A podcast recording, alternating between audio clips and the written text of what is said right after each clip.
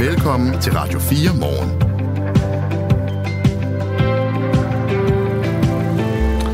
Alternativet, altså partiet, har længe været fortaler for en fire-dages arbejdsuge og dermed lidt længere weekender. Og nu har endnu en kommune så afprøvet det, nemlig øh, Jobcenter Esbjerg i Esbjerg Kommune, og det har været en bravende succes. Vi har talt med flere fra Esbjerg her til morgen, og de kan simpelthen ikke finde noget at være kritiske overfor. Hey.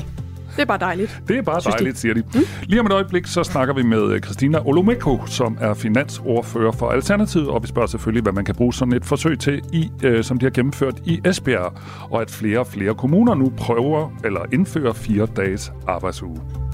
Vi skal også tale om forholdene på øh, en ret sådan øh, kendt julekalender, nemlig den, der hedder Valdes Jul, fordi øh, flere øh, forældre og filmfolk rækker retter hedder det nu kritik af filmselskabet Cosmofilm. De siger, at der har været meget lange arbejdsdage for børneskuespillerne, og øh, derfor så er der altså nu også øh, Børnerådet står frem med en øh, opfordring til, at man kigger på vilkårene for børneskuespillere og forholdene, når man laver film og serier, hvor børn er involveret. Det skal vi tale mere om klokken 20 minutter over 8 her til morgen. Og før nyhederne, der talte vi med øh, en socialdemokrat fra Ringsted, og vi talte om øh, den her sag fra Ringsted, hvor borgmesteren Henrik Hvidesten i går aftes valgte at trække sig efter flere episoder om upassende opførsel. Og Anne, vi har fået en del sms'er på mm. den øh, på 1424. Skal vi ikke tage et par stykker? Der er en her, Per, skriver til os. Så er der kø ved håndvasken i Ringsted. Hilsen Per. Signe skriver, fint at manden trækker sig fra borgmesterposten, at de holder møder og for alkohol er der ikke ok. Alkohol er normalt forbudt på arbejdspladser. Og Carsten Nørlund skriver til os, godmorgen til jer. Så er MeToo-bevægelsen og Folkedomstolen i fuld gang. Øh, at der er foregået noget, er ikke okay, men de kvinder, der er berørt, burde stå frem med deres beskyldninger. Og så kan jeg lige sige til Carsten, at øh, vi nævnte en politiker fra øh, Køge. Hun har faktisk stået frem, og vi... Øh, øh, nævnte også en ep- et diskoteksepisode, Øh, og nu bliver jeg faktisk i tvivl om, den kvinde stod frem. Men jeg er ikke sikker, hun har stået frem med navn. Men, Nej, jeg tror ikke, hun har stået frem med navn. Men, men det er hun i hvert fald hende fra Køge. Ja. Mm. Var der flere sms'er? Øh, lad os lige kigge.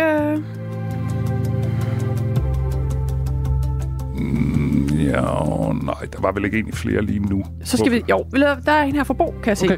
Jeg synes, der er så mange elementer i sådan en sager. Hvor meget er for meget for det første? En hånd på låret? Tja, er det så i dag for meget? Et andet element er muligvis, at der er ved at indfinde sig en berøringsforskrækkelse mellem mennesker.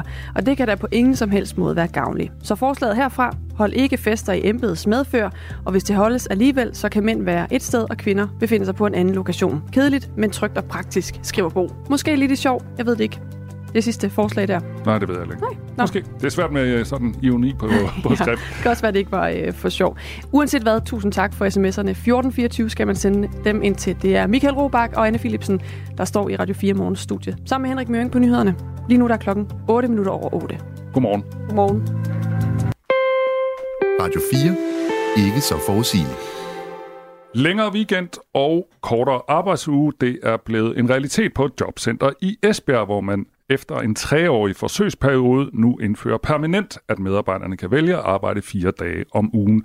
Og ideen øh, om en kortere arbejdsuge er ikke ny.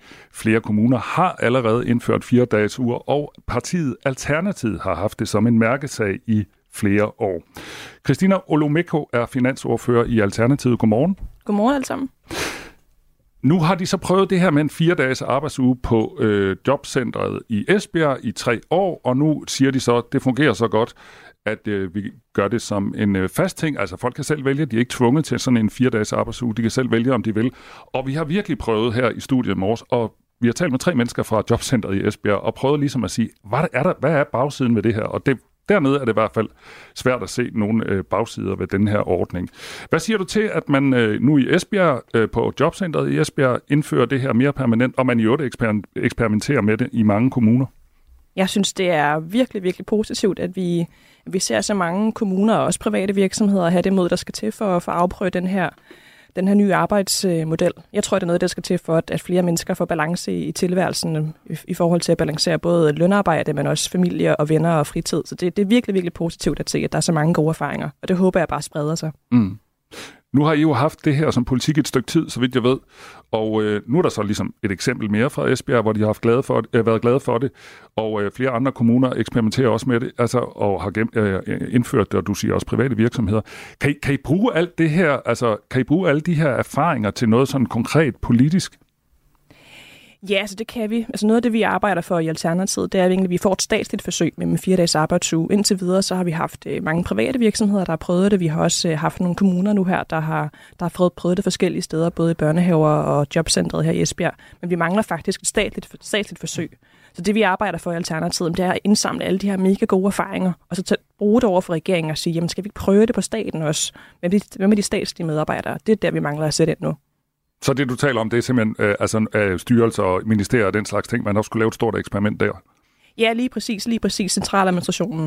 Det vil mm. give rigtig god mening at prøve der. Og det er også nogle af de steder, hvor vi faktisk har set et, et meget, meget svært arbejdsmiljø for, for embedsværket. Så det kan god mening at prøve med, med fire dages arbejdsuge her, for at se, er det noget af det, det kan gøre, at det bliver, det bliver, egentlig bliver federe arbejde for staten. Synes I egentlig, ligesom det er på jobcenteret i Esbjerg, skal det være frivilligt? Ja, det skal det helt klart være. Altså, det vi synes, øhm, der, der er vigtigt, det er, at vi, vi har mod som politikere til at sætte retningen for vores samfund. Jamen, vi går ind for, at, øh, at vi skal gøre, skabe bedre rammer for, at man kan gå ned i tid, og også at man kan arbejde mere fleksibelt på for eksempel en kortere arbejdsuge. I sidste ende vil det være arbejdsgiverforeningerne og fagforeningerne, der skal blive enige om, om det skal være et krav i fremtiden. For os at se, der er det vigtigt at sætte retningen og sætte rammerne for, at det kan lade sig gøre. Mm. Forsøget på Jobcenter Esbjerg er lavet i samarbejde med det Nationale Forsknings- og Analysecenter for Velfærd, VIVE hedder det. Konklusionen er, at 87 procent af alle medarbejdere valgte at arbejde fire dage, og VIVE kan konkludere ud fra de her resultater, de har undersøgt, at der generelt er en tendens til, at medarbejdere på fem dages ugen på nogle områder i lidt lavere grad er tilfredse med deres arbejde end deres kolleger på fire dages ugen. Så sagt lidt mindre knuder, så dem, der arbejder fire dage, de er lidt gladere for deres arbejde end dem, der arbejder, som vi andre gør, altså mandag til fredag. Og lige nu der taler jeg med Christina Olomeko, som er finansordfører i Alternativet. Jeg skal lige forstå, øh, Christina Olomeko, er det sådan, at I drømmer om, at det her bliver indført ved en slags lov, eller er det arbejdsmarkedets parter, der skal aftale det her, eller hvordan forestiller I jer egentlig, hvis jeres drøm om en fire dages, eller i hvert fald muligheden for en fire dages arbejdsuge skal blive til noget? Hvordan, hvordan skal det gennemføres? Jamen, vi forestiller os, at det egentlig foregår på, på to planer. Og først og fremmest så ønsker vi ikke at indføre det som et lovkrav. Det vil være, det vil være ret vildt og også meget utraditionelt i et land som Danmark, hvor vi har det med at lave frivillige aftaler. Øhm, men det vi ønsker, det er dels at, at sætte retningen, altså lave nogle forsøg der, vi kan som, som politikere, ligesom vi har haft modige politikere i kommunerne, der har gjort det, så ønsker vi også, at vi gør det på statligt niveau, for samlet nogle erfaringer sammen. Så det er det ene. Øhm, det andet er så også, at vi kan indgå tre, det, der hedder trepartsforhandlinger med med arbejdsgivertagerne og arbejdsgiverforeningerne, for, for netop at, at aftale, men kan vi gøre noget for, at det bliver, det bliver mere attraktivt at gå ned på den her kortere arbejdsuge. Øhm, og det kan fx være ved at, øhm, at sætte marginalskatten op. Det kan også være ved at, at tale med foreningerne og snakke om, jamen, hvad har vi brug for, for at det bliver nemmere for jeres medarbejdere at gå ned i tid. Det er jo ikke anderledes end at Socialdemokratiet for, for ikke så mange år siden, og hvis vi stadig i dag går til valg på, at vi skal arbejde mere. Før i tiden var det 12 minutter mere om dagen, og der har vi sådan set bare et parti, der hedder Alternativet, der ønsker, at vi arbejder mindre. Mm. Nu ved jeg godt, det er mandag morgen, og det er til med i januar, men alligevel kan man vel godt drømme lidt. Hvad er drømmescenariet egentlig for jer? Jamen, drømmescenariet for os, det er, at, øh, at vi kommer ud i et samfund, hvor, hvor vi sådan set har fire dages arbejdsuge som normen. I starten af 1900-tallet, der var det jo seks dage, der var, der var den normale arbejdstid, eller den normale arbejdsuge. Vi arbejdede 60 timer om ugen, og vi tror på i fremtiden, at det bliver fire dages arbejdsuge med meget, meget lavere arbejdstid. Så det, det er den fremtid, vi gerne vil til, til Danmark i retning af. Mm. Vi taler lige nu med Christina Olumeko, som er finansordfører i Alternativet, og vi taler om muligheden for at indføre en fire dages arbejdsuge. Er der ikke steder, som for eksempel sundhedssektoren, hvor det kunne være lidt mindre realistisk at forestille sig en fire dages arbejdsuge? Der er i hvert fald lidt nogle tvivl om, at når, man, når vi laver de her forsøg med fire dages arbejdsuge og kortere arbejdstid, så skal man tage højde for, hvilken type arbejdsplads, der, der er tale om. Øhm, og der vil være nogle steder, hvor det, hvor det er svært at gøre fra den ene dag til den anden, også fordi det er en del af et større system. Øhm, og det kan fx være sundhedsvæsenet. Så vi ønsker, at man, man, man gør det over tid. Øhm, vi har foreslået, at man over en 15-års periode kan, kan, kan arbejde med at sætte arbejdstiden stille og roligt ned, samtidig med, at man, man fjerner en, en arbejdsstab på lang sigt. Men for os at se, der, der skal man også huske på, at, at det arbejde øh, mindre tid om ugen og måske have en fridag mere, det er jo også noget, der gør, at, at man får et bedre arbejdsmiljø, netop som Vives undersøgelse jo også viser. Så det kan faktisk være med til at skabe flere attraktive arbejdspladser og gøre, at flere har lyst til at søge ind i sundhedsvæsenet. Så det er ikke nødvendigvis så simpelt, at man kan sige, at, der, at det så bliver sværere at få medarbejdere til sundhedsvæsenet. Vi tror, det kan være en god ting. Men der er ingen tvivl om, at man skal gøre det i langsomt tempo og til den arbejdsplads, hvor det passer ind. Og så skal mm. medarbejderne også have lyst til det. Mm. Nu før, da du tog øh, drømmehatten på, der sagde du ikke noget om, I faktisk drømmer om, at vi alle sammen skal ende med at arbejde 30 timer. Men det er sådan den store drøm for jer. Er det ikke rigtigt forstået? Jo, for Alternativet så er den store drøm, at vi arbejder på fire dage og med 30 timers arbejdsuge. Og det, det er sådan set den vej, vi, vi ser det gå. Sidst, der lagde vi, sidst, da vi satte arbejdstiden ned, så gik vi fra 40 til 37 i 90'erne, og sådan, så, så er der ikke sket andet i 30 år. Så det er på tide, at vi, vi sætter arbejdstiden ned, og der er det, vi foreslår, at vi over en 15-årig periode sætter arbejdstiden ned gradvist fra de 37 til 30 timer. Og hvis der var nogle top socialdemokrater, der sad og hørte Radio 4 nu, så ville de jo få kaffen galt i halsen, fordi de ja. bliver ved med at sige, at vi skal arbejde mere og mere, og øh, det skal vi jo blandt andet for at få råd til velfærd. Så hvis jeres drøm om en 30-timers arbejdsuge bliver til noget, betyder det så også, at der skal være flere børn i klasserne, og at øh, der bliver lidt længere mellem lægerne på sygehusene og sådan noget, fordi hvis vi sætter vores arbejdstid så markant ned, så kommer det jo til at koste det vil i hvert fald koste, hvis man gjorde det fra den ene dag til den anden. Men det vi kan se historisk, altså hvor man har gjort det over længere tid, igen nu tager jeg udgangspunkt i 1900-tallet, øh, vi kan kigge på 90'erne, hvor vi satte ned fra 40 til 37, så var det jo ikke fordi velfærdssamfundet kollapsede, altså slet ikke tværtimod. Vi har jo sådan set fået et bedre velfærdssamfund siden da, vi har det bedre generelt. Så det vil sige, at vi har gjort det før, og vi kan sagtens gøre det igen. Så vi har historien på vores side. Mm. Derfor så skal vi sådan set bare nu have visionerne i orden og modet til at, at gå den vej. Du får lidt uh, sms'er, mens vi sender. Der uh, Kenneth Fischer, han skriver til dig, skal skoleugen så også være fire dage? Det er da et meget godt spørgsmål. Ja, jeg tror sådan set på sigt, så vil hele samfundet jo, jo altså, så vil alle institutioner i samfundet jo gå ned på en fire dages arbejdsuge. Ligesom vi før i tiden havde seks dages uh, skoleuge, så har vi i dag fem dages skoleuge. Så det vil også være naturligt, at man i skolen og børnehaverne for den sags skyld vil have en fire dages arbejdsuge. Der er også en, der udtrykker bekymring for, om det bliver trukket ned over hovedet på en. Altså det her med, kan man altså i jeres drømmescenarie, kan man så godt selv vælge at sige, jamen prøv at høre, jeg vil altså helst arbejde fem dage om ugen, fordi jeg skal for eksempel hente mine børn, så jeg kan ikke arbejde meget lange, øh, meget lange dage fra mandag til torsdag. Altså forestiller I, at det skal være fuldstændig frivilligt i sådan jeres fremtidsscenarie? Det er et rigtig godt spørgsmål. Lige nu er vi jo sådan en overgangsfase, som jeg ser det. Jeg tror, vi kommer til at se flere og flere arbejdspladser eksperimentere med fire dages arbejdsuge, ligesom i, i, i Esbjerg, som vi ser her. Og lige nu, der er det jo frivilligt. Vi kan jo høre, at 4 ud af 5 medarbejdere har valgt en øh, fire dages arbejdsuge, så er der 1 ud af 5, der har valgt en, en fem dages arbejdsuge. Mm. Og sådan tror vi egentlig, at alternativet det kommer til at være en lang overgangsfase så kommer der nok formentlig også et tidspunkt, hvor det vil være norm at arbejde fire dage, ligesom at det er norm i dag at arbejde fem dage og ikke seks dage. Så på et eller andet tidspunkt vil fagforeningerne nok formentlig forhandle sig frem til, at det bliver den nye norm. Men jeg kan love jer for, at det bliver ikke alternativet, der laver et lovkrav om, omkring det. Det synes vi, fagforeningerne selv skal forhandle sig til. Sådan sagde Christina Olomeko, som er finansordfører for Alternativet. Tak fordi du var med i Radio 4 morgen. Selv tak. Ladies and gentlemen, welcome aboard this Northwest Orient Airlines Flight 305 with services from Portland to Seattle. En mystisk passager rækker en stewardesse en håndskreven seddel. Miss, you'd better look at that note. I have a bomb. Det handler om D.B. Cooper. Manden, der plyndrer et fly. Han vil have 200.000 dollars i kontanter. Hopper ud af det med faldskærm på og øh, forsvinder sporløst. Lyt med, når Krimiland genåbner sagen om den mystiske flykabrer DB Cooper i Radio 4's app, eller der, hvor du lytter til podcast. Det er den eneste uopklarede flykabring i FBI's historie. Radio 4. Ikke så forudsigeligt. Lange arbejdsdage for børneskuespillere får nu forældre og filmfolk til at rette kritik af filmselskabet Cosmofilm. Det skriver DR på baggrund af agtindsigter og interviews med over 60 personer i den danske film- og tv-branche.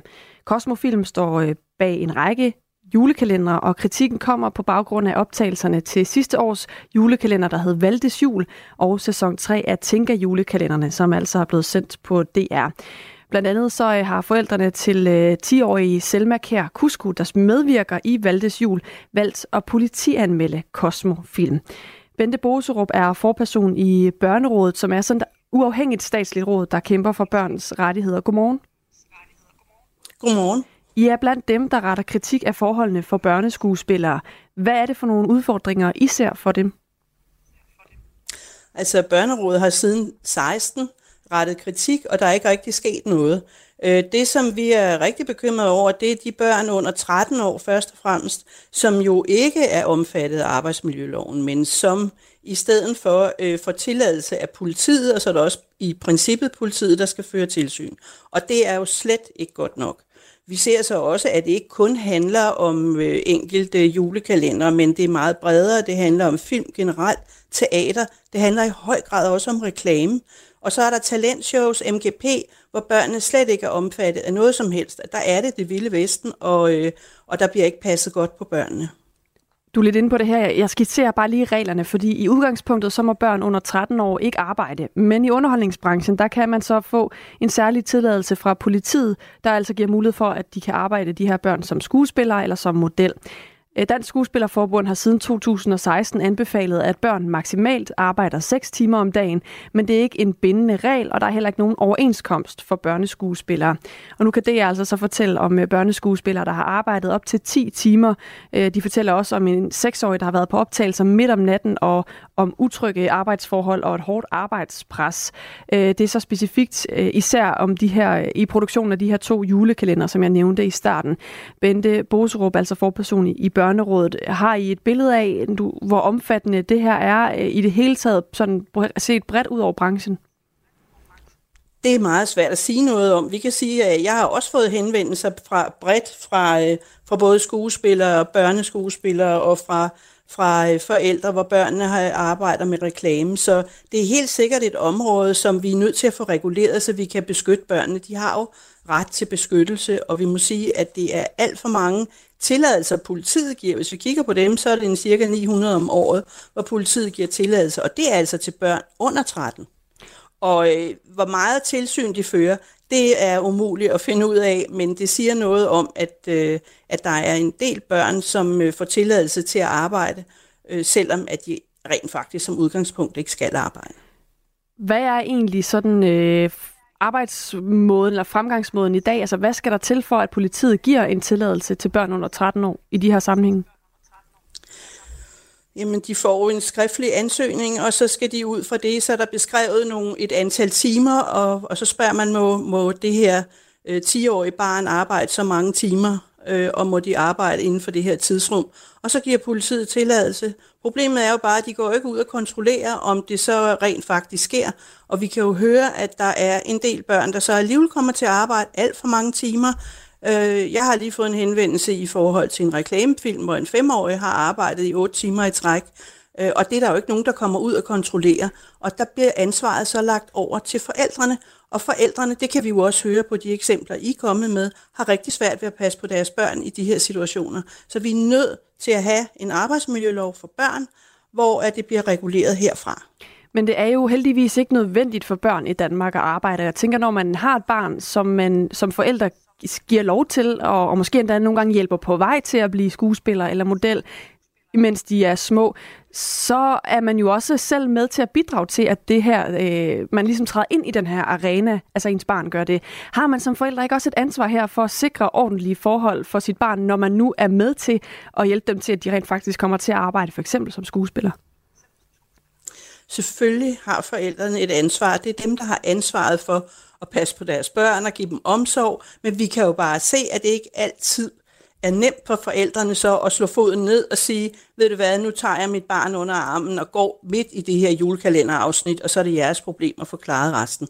Det er rigtig svært for forældrene at gøre, og vi skal også huske på, at der er forældre, der slet ingen ressourcer har, som måske slet ikke rigtig følger med i, hvad der foregår. Så vi er nødt til at øh, beskytte alle børn, øh, uanset hvad deres forældre har ressourcer til, og hvad de ikke har ressourcer til. Og også i forhold til, om forældrene har større ambitioner, end børnene kan holde til. Du startede med at sige, at det her det er sådan set ikke noget nyt problem. Vi har råbt op siden 2016 om, at der er nogle udfordringer på det her område. Øh, Bente Boserup, altså forperson i Børnerådet. Hvad har I konkret gjort for at få dæmmet op for det her siden 2016? Jamen, vi har jo, øh, kom jo med nogle udspil i 2016, meget konkret i forhold til, hvad man kunne gøre, øh, også ud fra nogle af de børn, som har prøvet at være med her, som vi har, har talt med. Øh, så har vi holdt nogle møder med forskellige interessenter, og så gik den fuldstændig død. Øh, der var ikke rigtig nogen, der havde lyst til at gøre noget ved det, og derfor så har vi så taget den op igen. Og øh, nu kan vi i hvert fald se, at der er på tværs af to ministerier, Kulturministeriet og Beskæftigelsesministeriet, der er der interesse for at gøre noget. Og denne her gang, der bider vi os altså fast Hvorfor Fordi gjorde I ikke det første gang? børnene have nogle ordentlige vilkår. Ja, det må du spørge børnerådet om dengang. Altså, det, øh, det ved jeg ikke, hvorfor at man ikke gjorde det, og det synes jeg også er for ringe. Fordi det skulle man selvfølgelig som rettighedsorganisation have taget fat i. Jeg kan bare sige, at nu sidder jeg øh, i stolen, og øh, jeg vil helt sikkert sørge for, at den ikke dør den her gang. Og hvordan vil du gribe det an? Hvordan har du tænkt dig at gå videre med det her? Jamen, vi er jo heldigvis, vi har jo henvendt os både til Kulturministeriet og til Beskæftigelsesministeriet, og der har vi så øh, fået at vide, at vi bliver indkaldt og skal være med i den i det tværministerielle udvalg, der skal sørge for at få skabt nogle ordentlige vilkår for børnene. Og det har jeg da tænkt mig at tage rigtig alvorligt. Tak fordi du var med, Bente Boserup. Selv tak forperson i Børnerådet. Vi har også forsøgt at række ud til Kosmofilm. Det har ikke været muligt for os at komme igennem til dem her til morgen, og det er heller ikke lykkedes DR at få et interview med Kosmofilm, men de øh, beklager i et skriftligt svar øh, forløbet under optagelserne til julekalenderen Valdes Jul. Øh, jeg kan lige læse et lille citat op her. Vi har aldrig haft en intention om at planlægge for lange arbejdsdage, men at sende børn hjem hurtigst muligt. Vi tager til efterretning, at det er oplevelsen og vil fremadrettet til rettelægge anderledes. Det her er Radio 4 morgen. Husk, at du kan sende os en sms 1424. Der er øh, våbenhvileforhandlinger i gang i Paris, og målet er at få en øh, våbenhvile på to måneder i stand i Gaza. Og med til møderne, der er chefen for USA's efterretningstjeneste CIA og lederen af den israelske efterretningstjeneste Mossad, og så udenrigsministerne fra Katar og Ægypten. Hvis våbenhvilen bliver til noget, så kan 100 af de gidsner, der blev taget under Hamas' angreb på Israel den 7. oktober, formentlig blive frigivet. Øh, frigivet. Vi talte med Allan Sørensen, der er mellemøstkorrespondent for Christian Dagblad tidligere på morgenen, og vi spurgte ham, hvor realistisk det, er, realistisk det er, at der kommer en pause i de her kamphandlinger.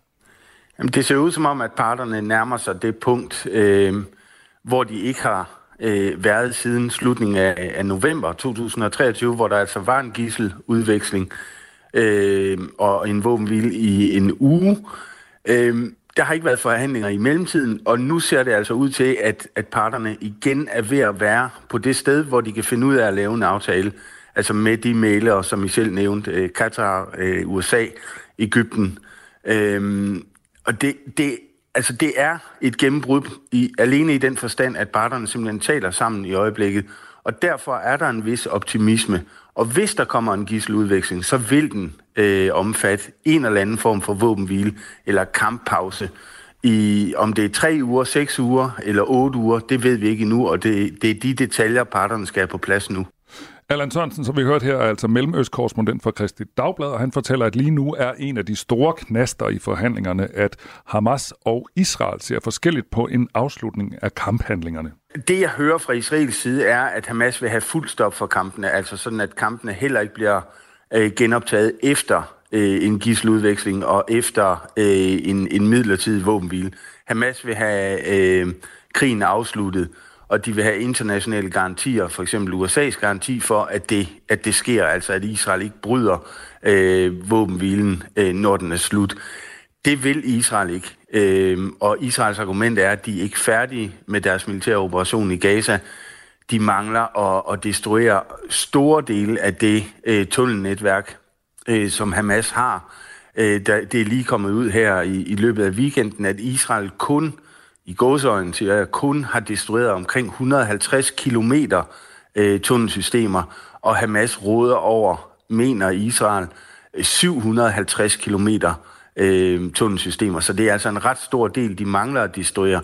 Samtidig så, så er Israel heller ikke færdig med deres angreb i, i øh, Khan Yunis, hvor der er kampe nu, og slet ikke færdig med, øh, med at sikre, at grænsen mellem Ægypten og, og Gaza, at der ikke kan smules våben ind i fremtiden.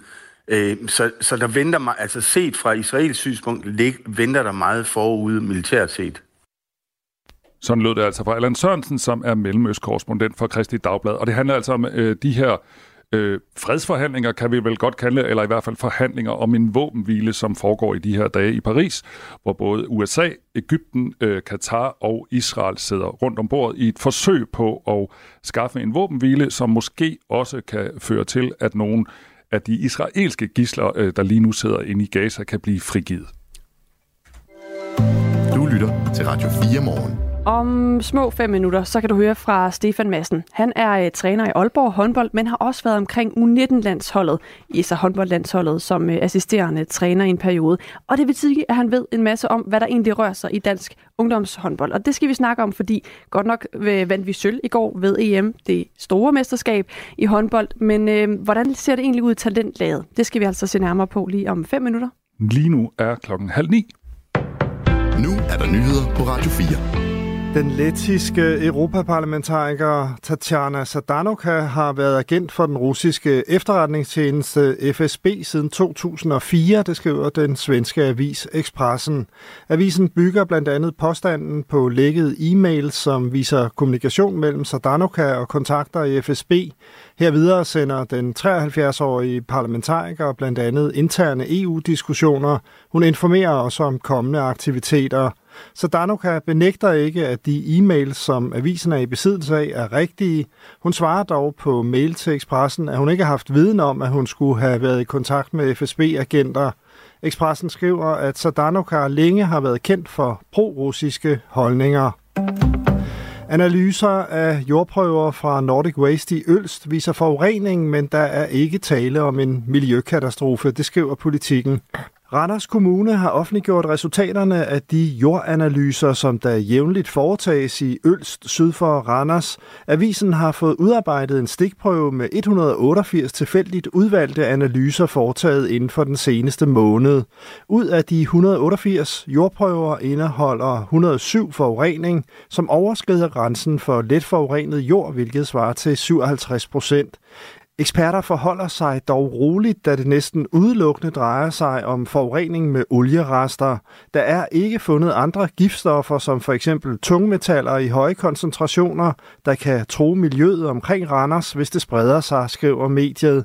Mette Martina Broholm, lektor på DTU og ekspert i jordforurening, er ikke bekymret over graden af forurening i stikprøverne. Den er ikke så stor, at den udgør en miljøkatastrofe, siger hun. Hvis jeg så de her tal på en gammel industrigrund, vil jeg tage det meget afslappet og sige, at de ikke var noget særligt. Det er proportionerne, de gigantiske mængder, der er i skred, som er problemet, siger hun til politikken.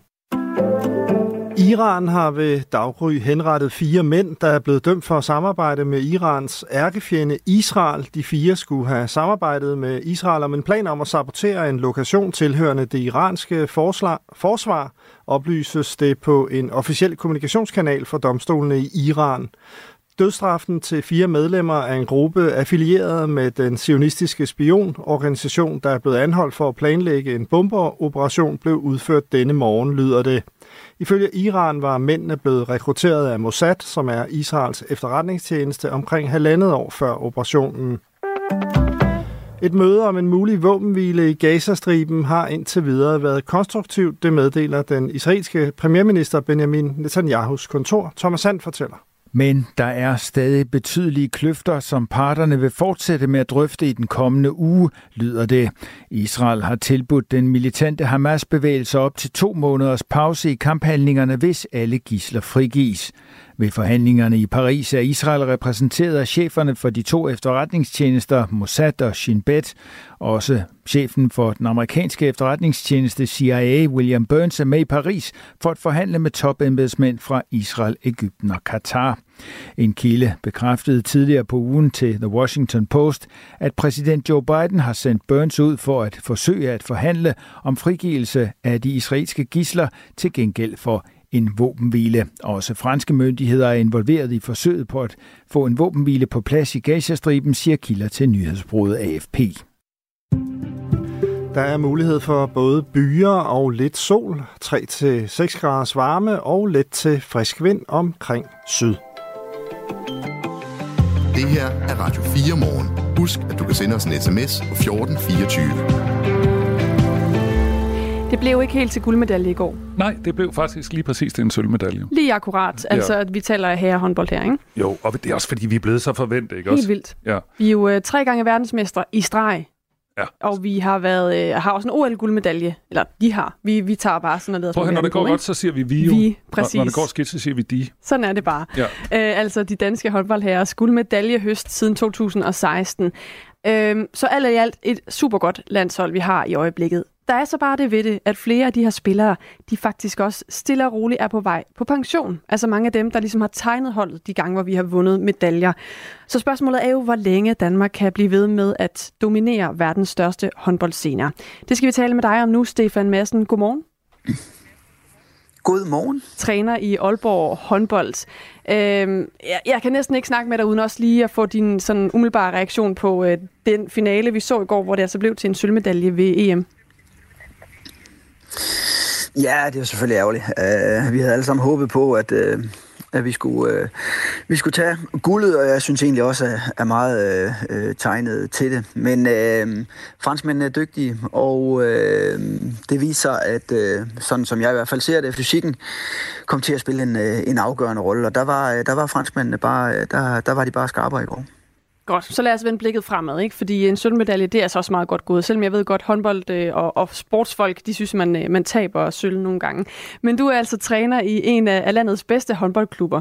I fører herrehåndboldligaen lige nu, og det gør jo øh, blandt andet også i kraft af tre øh, spillere, men som også er lidt aldrende, som måske spås på vej ud af landsholdstruppen i nærmeste fremtid, nemlig Mikkel Hansen på 36 år, Henrik Mølgaard på 39 og Niklas Landin på 35 år. Er de egentlig, som du ser det, fortid på det danske landshold? Der er jo også OL i Paris om et halvt år.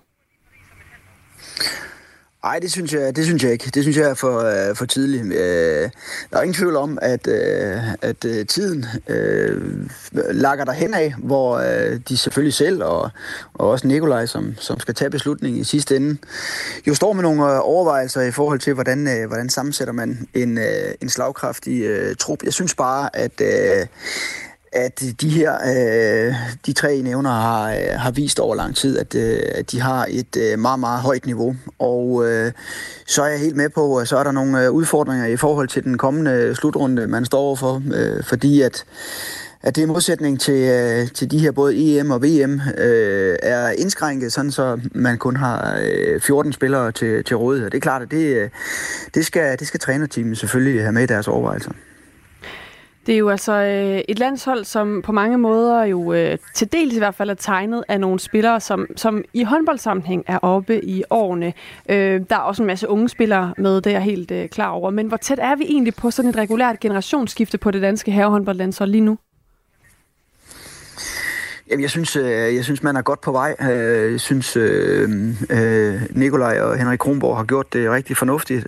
Over en længere periode har de, har de stille og roligt sluset unge, unge spillere ind, der på den måde kan gå og læne sig op af, af mere erfarne spillere. Jeg konstaterede også i går, hvis man ser opstillingen, der, der spiller specielt defensivt med ja, ene unge spillere med, med Simon Hall og Magnus øh, Savstrup inde i midten, en kirkelykke og en landin på de to øh, baks, og så Pytlik og Gissel, der står på, på fløjene med Emil Nielsen nede bagved. Altså det er, det er en meget, meget øh, ung opstilling, så, så generationsskiftet er stille og roligt på vej. Man skal bare ikke, øh, man skal bare ikke glemme, at, øh, at topidræt handler også om, øh, om erfaring, øh, og der sker mange øh, ting øh, uden for banen også, og der er det helt afgørende at have nogle folk med, som, øh, som har prøvet det her mange gange, og det synes jeg, de har været gode til at, at lægge i det, øh, i det mix. Men som jeg sagde før, så er det klart, at på et eller andet tidspunkt, så skal, så skal kortet tages, men de er, de er rigtig fint på vej, synes jeg jeg tænker, man faktisk også kunne se det lidt i går, efter øh, kampen var slut, og de skulle have den her sølvmedalje, øh, så jeg bare et interview med Mathias Gissel, som jo faktisk også er en ret ung og ret ny spiller, selvom vi alle sammen føler, at han er jo bare øh, totalt øh, indbegrebet af det danske håndboldlandshold. Han var meget, meget ked af det, meget knust øh, af den her sølvmedalje, og sagde faktisk i et interview med TV2, at Mikkel Hansen havde været henne og lige hjælpe ham. Og jeg tror, han sagde sådan, det er svært for sådan en ung gut som mig at, at, at forstå, at solen også står op i morgen, sådan parafraseret i hvert fald. Så det er jo også også et billede på, at de her ældre spillere, de også har en funktion, måske sådan på det psykiske, på det mentale plan, Stefan Madsen, som du også er inde på her, eller hvad? Ja, helt sikkert. Øh, helt sikkert, som jeg sagde, så er det helt afgørende, at øh, man har øh, nogle erfarne folk at læne sig op af, og det var jo det, der var tilfældet i går med, med Gissel og, og Mikkel. Og så tror jeg også, at man skal heller ikke øh, øh, undervurdere, at øh, lysten af de her unge øh, opkomlinge til at, til at betale tilbage, hvis man må bruge det ord til, til de erfarne. øh, og de er jo også udmærket bevidste om, at øh, den her EM-guldmedalje har fyldt rigtig meget for, øh, for de her mere erfarne spillere. Så jeg tror også, det var et, øh, et udtryk for øh, den skuffelse, øh, som, øh, som Gissel havde i går, var lige så meget øh, den gestus og det menneske, han er. Han vil gerne have, have kunne betale noget tilbage til de her erfarne spillere. Udover at du jo er træner i Aalborg håndbold til daglig, så har du også været omkring U19-landsholdet som assisterende træner og træner fra 2014 til 20. Så på den måde ved du også noget om, hvad der rører sig i, i dansk håndbold, sådan også i, i talentlagen, eller i hvert fald, hvad der har gjort for nylig. Og det er også derfor, vi taler med dig, Stefan Madsen, fordi vi jo prøver sådan at sådan tegne et billede af, hvad er det for et fremtidens håndboldlandshold, der venter os øh, øh både med de spillere, der nu er oppe i årene, og også øh, på den anden side, når de begynder at lige så stille og øh, trække sig fra landsholdssammenhængen. Øh, hvor rolig er du i forhold til, at vi stadig vil kunne dominere de helt store håndboldscener om øh, måske et, et par år, øh, hvis nogle af de her ældre spillere de begynder at stoppe på landsholdet? Jeg er sådan rimelig, øh, rimelig rolig. Jeg synes, øh, vi har en øh, enorm talentmasse i, i dansk håndbold, og også spillere, som allerede nu har haft berøring med, med A-landsholdet. Så, så jeg, jeg, jeg kan ikke se, at, at der skulle være noget i vejen for, at Danmark spiller med i finale weekenderne i, i mange slutrunder fremad endnu. Så altså det, det handler selvfølgelig om nu, at nu skal man have evalueret de, de ting her, og så øh, så skal man have set på, hvordan, øh, hvordan øh, truppen først og fremmest frem mod, øh, mod OL, men også øh, på, på længere sigt kan, kan sætte sammen. Men vi har så mange dygtige spillere, og, øh, og det er et spørgsmål om, hvornår, øh, hvornår, de, øh, hvornår de skal ind og bære. Hvad er det egentlig, der gør, at Danmark kan producere den ene verdensklassespiller efter den anden? Altså, vi er jo et lille land. Ja, det er et rigtig, rigtig kort spørgsmål. Et meget interessant spørgsmål, som, som måske er svært på at besvare på, på kort tid. Men, men, men i bund og grund så handler det selvfølgelig om, om øh, foreningsstrukturen og, og den måde, der bliver arbejdet ude i, øh, i, øh, i de mindre klubber også. Og så har vi nogle kraftcentre rundt omkring i, i Danmark, som er, som er dygtige til at, til at udvikle den, den næste både ligaspiller og også, også A-landsholdsspiller. Og så er det en tradition i, i Danmark, at, øh, at håndbold fylder, øh, fylder utrolig meget. Og det er vi begunstiget af øh, nu. Så, øh, så en god kombination af øh, målrettet talentudvikling sammen med et øh, fantastisk pulserende foreningsliv. Stefan Madsen, jeg sidder herovre på den anden side og lytter med. Jeg synes, det er interessant. Godmorgen. Godmorgen. Må jeg stille dig sådan nærmest helt tabubelagte spørgsmål? Øhm, hvad med Nikolaj Jakobsen? Skal han egentlig bare sidde der til tid og evighed, eller kan man egentlig også forestille sig, at han skal skiftes ud på et tidspunkt? Jamen, jeg tror, at alle, der kender den verden her, ved, at det er meget omskifteligt øh, at sidde i den, øh, i den position. Men øh, Nikolaj, han, øh, han skal have en, øh, en masse respekt øh, alle mulige steder fra. Han har gjort det, han har gjort det fantastisk. Øh, når man kigger tilbage på, øh, på hans øh, CV og det, han har præsteret med det hold her, det er jo, det er jo helt unikt.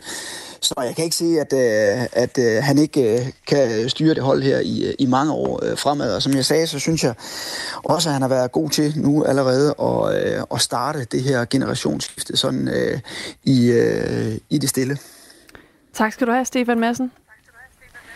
Selv tak, og have en god dag. I lige måde. Nå, det var vi enige om, var? Det var vi enige om. I lige måde. Stefan Madsen er træner i Aalborg håndbold. Klokken er 8.43.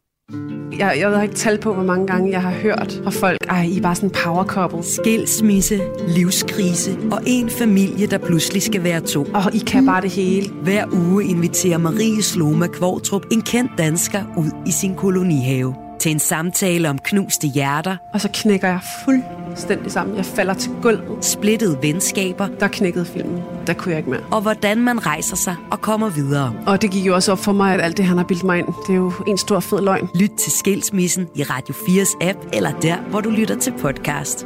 Radio 4. Hvor er det fucked up, det jeg har levet i. Ikke så forudsigeligt. Så skal vi til Ølst, fordi i går der kunne borgerne i Ølst besøge den øh, nærliggende virksomhed, som vi alle sammen kender navnet på nu, nemlig Nordic Waste, og de kunne komme ind på en rundtur på grunden. Her havde de mulighed for helt konkret at se med egne øjne, hvordan jordskredet har bevæget sig mod Allingå. På to hold af 30 personer kunne de gå rundt, og så kunne de stille spørgsmål til kommunen om øh, den her potentielle miljøkatastrofe. Vores reporter Cecilie Sækker tog en snak med en af dem, der var med på rundturen, nemlig Uffe Espelund Clausen. Han er udlejer, og han bor i Ølst, og hun startede med at spørge ham, hvordan han oplevede den her rundtur ved Nordic Waste. Jeg var glad for, at jeg var med, fordi øh, herinde fra lille hyggelige Ølst, der kan vi jo kun se noget af det fjerne. Det var meget, meget voldsomt. Meget voldsomt. Det minder jo mest af alt om sådan en slags krigszone, da vi kom tæt på, ikke? Det er voldsomme kræfter, der har været på spil. Det må man nok sige. Så jeg var jo glad for at være. Jeg var glad for, at kommunaldirektøren, han var mødt op sammen med borgmesteren. Jeg spurgte kommunaldirektøren, om han godt turde vise sig herude, ikke? Men jo, det påstod han. Det turde han godt. Og han forklarer jo sådan lidt, så ja, jeg ved ikke, hvor meget vi fik ud af det sådan altid, for noget var ikke så godt, fordi jeg, jeg spurgte jo som det der forurenede jord, ikke om det ikke skulle væk. Men det, nej, de kan ikke fjerne alt det forurenede jord.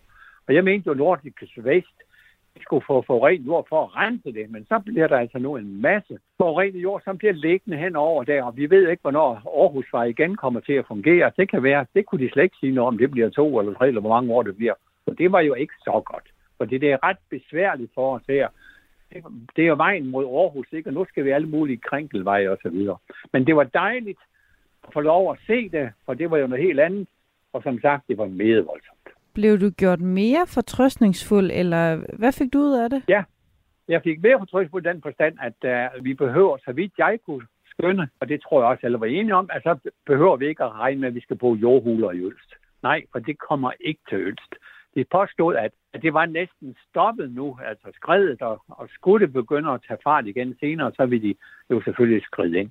Jeg forstod, at deres største problem nu, det var vand, de der kolossale vandmængder, der er rundt omkring. De laver sådan nogle store bassiner, de skal i. Og så var der en ting til, som heller ikke så godt, det var det der med mikrofiler. Der er jo åbenbart en masse mikrofiler. De finder det overalt på stedet af jorden. Og så lang tid det er vådt, så sker der ikke noget.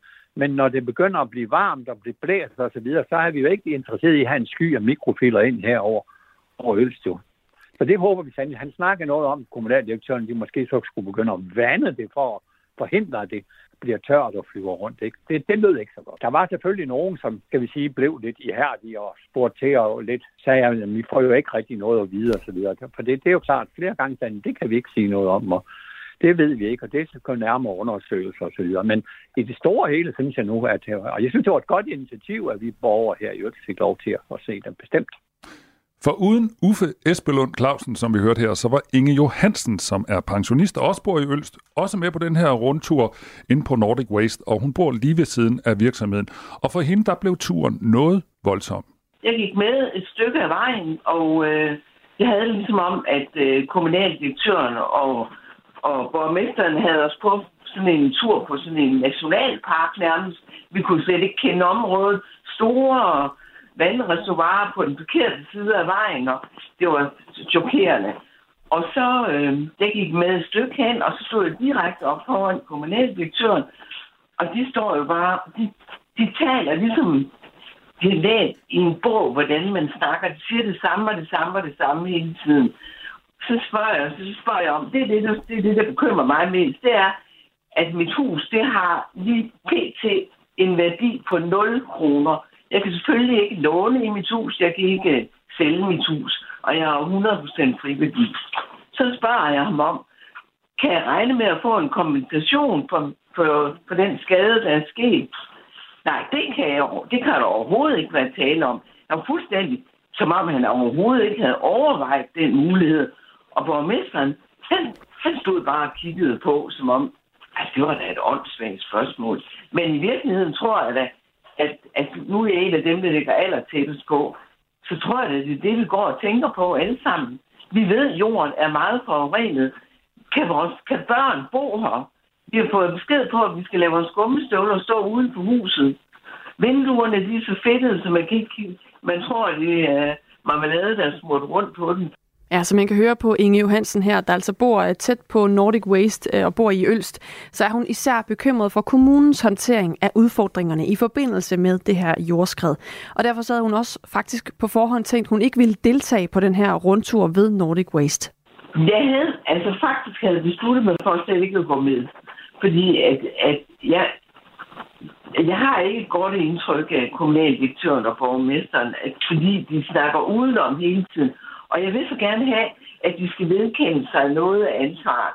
For jeg kan godt se, at det er nordisk der er lavet forurening. Men det er, jo, det er jo kommunens folk, der har set igennem fingre med, vendt det blinde øje til alt, alle de udtryk, vi siger, De vidste jo godt, at jordskredet kom. De vidste jo godt. Men havde de den, dengang tænkt på, at de ville gå ud over os borgere. Det ved jeg ikke, om de har. Men det, det, det er jo indlysende. Det må de have vidst. Og de må arbejde på en plan, hvordan vi kan blive til gode siden. Nej, jeg, jeg er så rasende, så jeg kan næsten ikke sige det. Og jeg gik ikke med på hele turen. Jeg vendte om og gik hjem. Og jeg tænkte, jeg kan simpelthen ikke være i det her selskab. Ansvaret for jordskredet ved Nordic Waste er jo ikke endnu ensydigt placeret. Alligevel så mener Inge Johansen, at det ikke er okay, at man fra kommunens side ikke kan svare på alle spørgsmålene. Og det er heller ikke okay, at de ikke vil påtage sig hele ansvaret. De folk, det er jo nogen, der er valgt af os. De skal, de skal, de skal beskytte os. De skal, de, de skal sørge for, at vi bor ordentligt. Og, og de, altså, altså de sidder, der er jo masser af rapporter, der viser, at, øh, at de ikke har at de ikke har gjort. De siger, at de har taget miljøprøver, men de har jo ikke sagt, hvor, meget, hvor mange tons, der må blive smidt op. Og enhver kan regne ud. Man behøver ikke have en studentereksamen for at regne ud, at man kan ikke fylde så meget jord på en lerskræns. Nej, det, jeg, kan, jeg kan ikke se enten, at, øh, at, de har, at de har ansvar. Og det, nogen må også begynde at undersøge, at det er deres ansvar. Men jeg vil gerne, jeg vil gerne vide, men jeg, jeg har ikke ro på mig, før jeg ved, at jeg får en erstatning for mit hus. Det sagde altså Inge Johansen, der er øh, pensionist fra Ølst, og altså på den måde også bor lige op ad Nordic Waste. Det her er Radio 4 morgen. Husk, at du kan sende os en sms 1424. Dyrenes Beskyttelse har anmeldt rekordmange dyreejere i 2023, altså sidste år. 299 dyreejere er blevet meldt til politiet for lovovertrædelser, og anmeldelserne involveret over 1500 dyr. Yvonne Johansen er dyreværnschef, øh, dyreværnschef i Dyrenes Beskyttelse. Godmorgen. Godmorgen. Det er en stigning på 15 procent i forhold til antallet af anmeldelser i 2022, altså året før. Hvad er jeres forklaring på, på de her mange anmeldelser og ikke mindst stigningen? Jamen, der kan være mange øh, gode forklaringer på. Et er, at vi i hvert fald oplever, at danskere er mere bekymrede, og dyrs velfærd ligger dem på sinde. Og øh, at vi ser jo også en stigning helt generelt i vores opkald til vores vagtcentral 1812. Så det tager vi også som et udtryk for, at øh, folk ved, hvor de kan henvende sig, hvis man øh, ser nogle forhold for dyr, som, øh, som er bekymrende, og som man ikke synes er i orden. Så det er den ene ting. Og om det så øh, også kan ligge tallene, at, øh, at nogle af de her tilfælde jo også er kralde, og vi i hvert fald ikke er i stand til at komme til, øh, til, til overensstemmelse med ejer og få hjulpet de her dyr. Øh, der er jo heldigvis mange sager, som vi løser ved, at vi sammen med ejerne finder nogle gode løsninger og får hjulpet de her dyr, uden at det decideret skal føre til anmeldelser. Men vi ser jo også, ja, som sagt, en stigning i, at, at der er sager, hvor vi ikke lykkes med det, og en del af dem, det er jo kattesagerne blandt andet, som vi desværre ser stigning på. Prøv at sige noget mere om det. Kattesager, hvad betyder det? Jamen kattesager, det er jo sager med katte, hvor ja. at de bliver øh, for eksempel dumpet. Øh, vi ser også store kattepopulationer rundt i både beboelsesejendomme, ved havne, ved sommerhuse.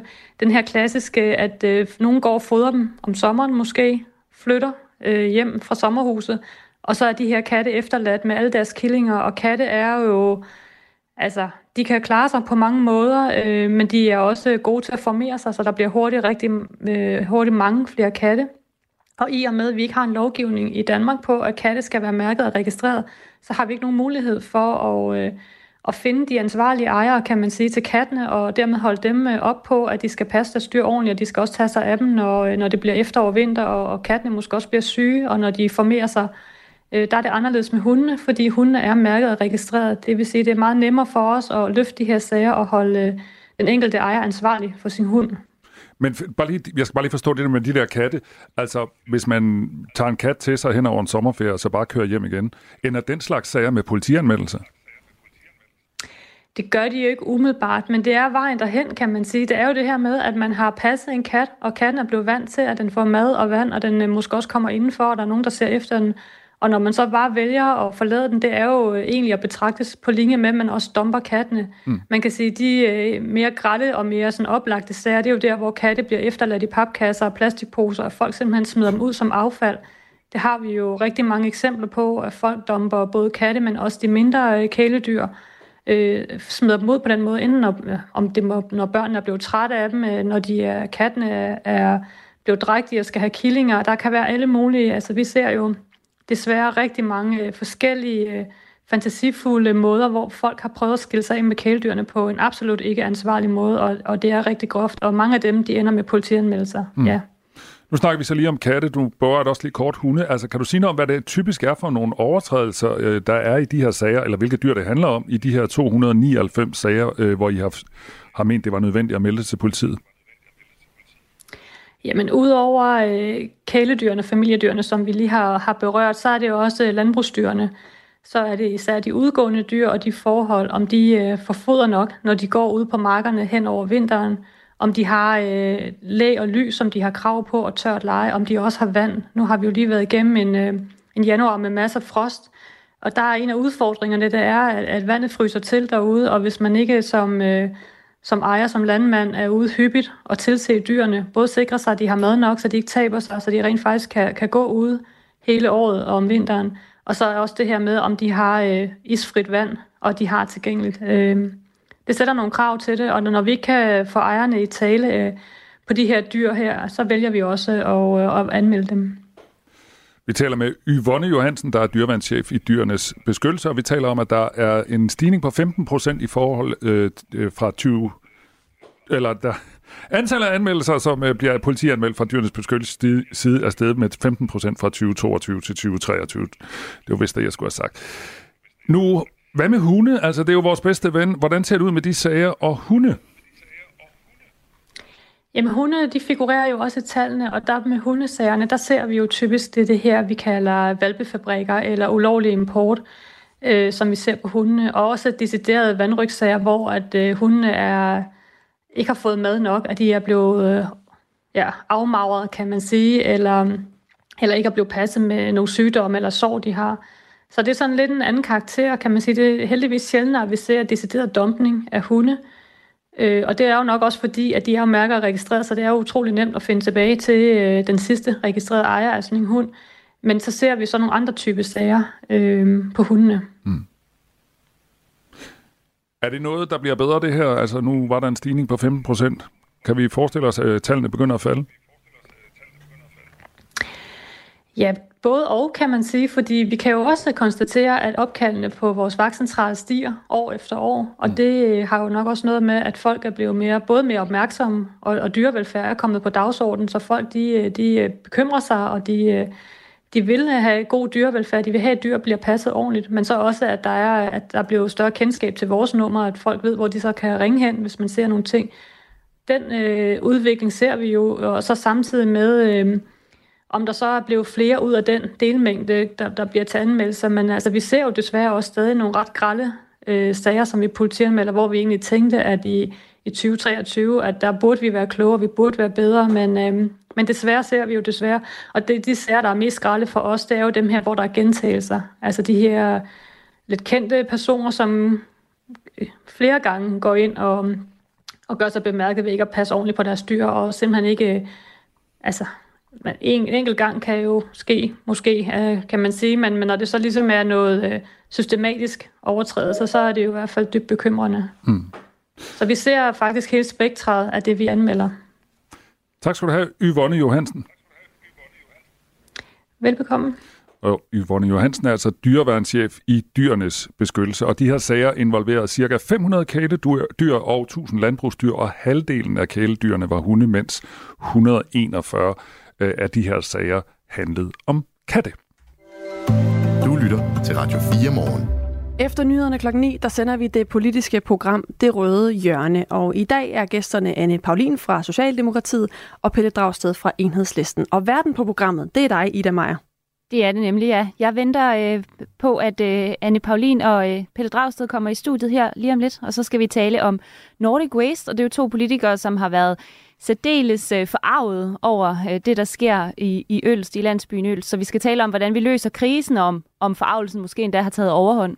Det er simpelthen historien om en by, som ingen rigtig havde hørt om før, ikke mm-hmm. ret mange i hvert fald, og lige pludselig så er den altså bare blevet øh, landskendt, og man kan tale om den, og så ved folk, hvad det handler om.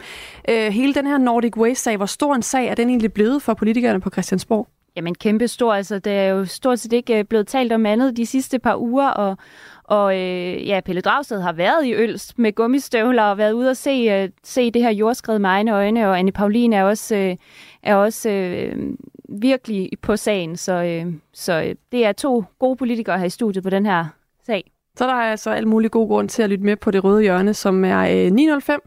Og 10.05 kan vi også gøre reklame for, der er der ring til Radio 4, og de stiller meget godt spørgsmål, synes jeg. Kan man som patient tillade sig at møde op med flere problemer til én konsultation ved lægen, eller er det urimeligt både over for lægen og de patienter, der sidder ude i venteværelset? Det er altså et af spørgsmålene i Ring til Radio 4. Det er 10.05. Nu klokken 9. Du har lyttet til en podcast fra Radio 4. Find flere episoder i vores app, eller der, hvor du lytter til podcast. Radio 4. Ikke så forudsigeligt.